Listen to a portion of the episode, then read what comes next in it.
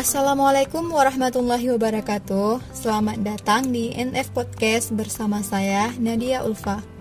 Teman-teman, apa kabar hari ini? Aku harap kita semua baik-baik saja ya. Nah, di podcast kali ini aku akan membahas tentang bisnis yang sedang tren di kalangan milenial saat ini. Kita tahu bahwa perkembangan bisnis di Indonesia semakin hari semakin berkembang mengikuti tren dan kemajuan zaman. Jika kita tidak berbuat apa pun, sudah jelas kita akan ketinggalan jauh. Contohnya aja nih, dulu sebelum tahun 2000-an, bisnis online sama sekali tidak dikenal atau bahkan dilirik saja tidak. Tetapi sekarang kita bisa lihat bisnis online menjadi salah satu sektor bisnis paling jaya di Indonesia atau bahkan di dunia. Sehingga tidak heran jika kini banyak orang berlomba-lomba membuat online shop bisnis kuliner menjadi salah satu bisnis yang gak bakal ada matinya. Alasan paling fundamentalnya, manusia butuh makan, tidak hanya untuk mengenyangkan perut, tetapi juga untuk memanjakan lidah. Jadi, tidak heran jika dari tahun ke tahun banyak outlet ataupun warung kuliner baru yang hadir dengan varian pilihan makanan yang makin beragam. Salah satu bisnis kuliner yang lagi hit sekarang ini di media sosial adalah dessert box. Nah, dessert box ini bukan cuma rasanya nih yang manis, tapi keuntungan yang kita dapatkan dari bisnis ini juga sama seperti rasanya, yaitu sama-sama manis. Jadi, bisnis dessert box ini adalah jenis kuliner kekinian yang sedang digandrungi banyak pecinta makanan manis. Selain memiliki banyak penggemar setia, bisnis dessert box ini juga mempunyai modal yang tipis, tetapi keuntungan yang kita raih dari bisnis ini juga cukup tinggi. Salah satu cerita sukses dari pelaku usaha dessert box saat ini adalah Najla Bishir. Beliau merupakan seorang pemilik Bittersweet by Najla. Bisa dibilang, usaha yang Najla jalankan menjadi pelopor maraknya pengusaha dessert box baru yang bermunculan sekarang ini. Salah satu jenis produk terlaris dari Bittersweet by Najla adalah Turkish Dessert Box, di mana olahan produk ini itu menggunakan coklat Belgium premium yang harganya tentunya lebih mahal dibandingkan dengan bahan coklat umumnya. Saat ini penjualan dessert box dari Bittersweet by Najla sendiri sudah tercatat mencapai 2000 box per hari. Sekarang Bittersweet by Najla telah mempunyai 40 reseller dari berbagai wilayah kota di Indonesia. Kesuksesan bisnis dessert box ini tentunya tidak terlepas dari pemanfaatan ekonomi digital di era disruption sekarang ini, di mana ekonomi digital adalah aspek ekonomi yang merupakan pemanfaatan dan pemberdayaan teknologi informasi dan komunikasi dalam usaha mikro dan makro yang didasarkan oleh produk dan jasa yang dihasilkan pelaku bisnis dan diperdagangkan melalui proses dunia digital. Tujuannya untuk memudahkan kinerja layanan digital dalam menaikkan pertumbuhan ekonomi saat ini. Digital ekonomi sangat dipercaya mampu mendorong pertumbuhan ekonomi dalam meningkatkan daya saing produk dan jasa baik dalam level mikro maupun makro berskala besar. Konsep digital ekonomi sendiri untuk mendorong setiap pelaku ekonomi agar bisa menyesuaikan diri dengan perubahan yang terjadi, sehingga bermanfaat untuk ekonomi umat, meningkatkan daya saing dan produktivitas untuk mewujudkan kerjasama perekonomian tidak hanya saling menguntungkan, tapi juga bisa mensejahterakan masyarakat dalam jangka panjang.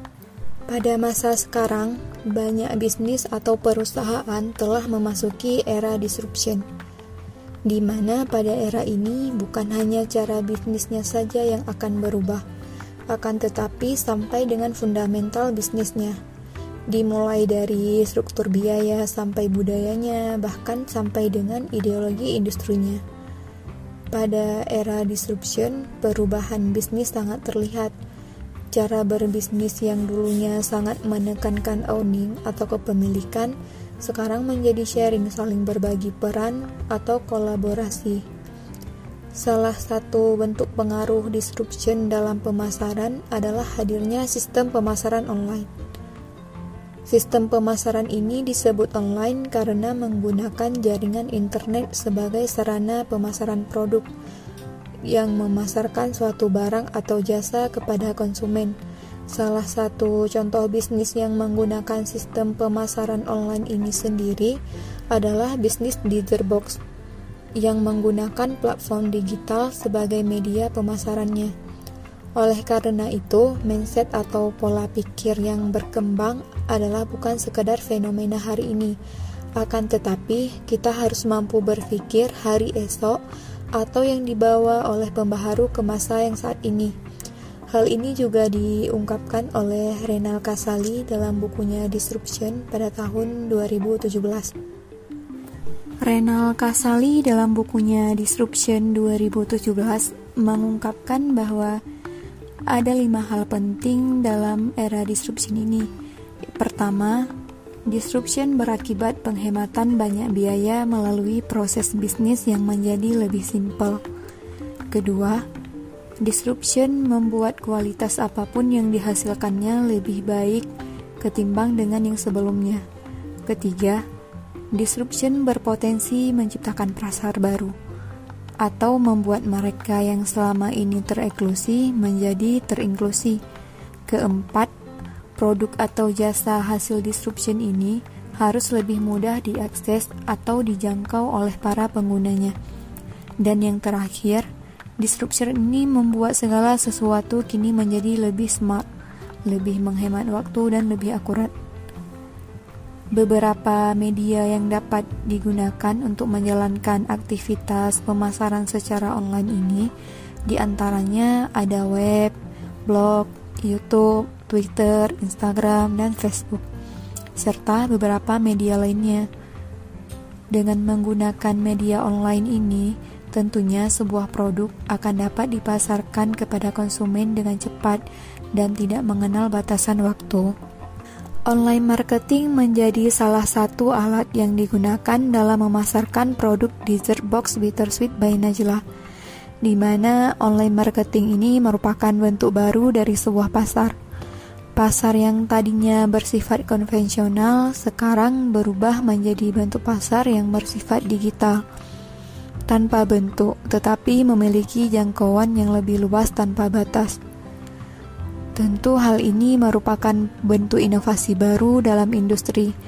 Namun demikian, pada era disruption, inovasi baru yang telah terbentuk tersebut tidak cukup hanya terhenti sampai di situ.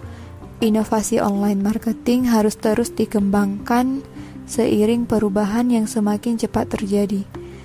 Perusahaan tidak cukup hanya berinovasi dengan mengubah bentuk, ukuran, dan desain saja akan tetapi, yang lebih penting adalah kemampuan membaca masa depan.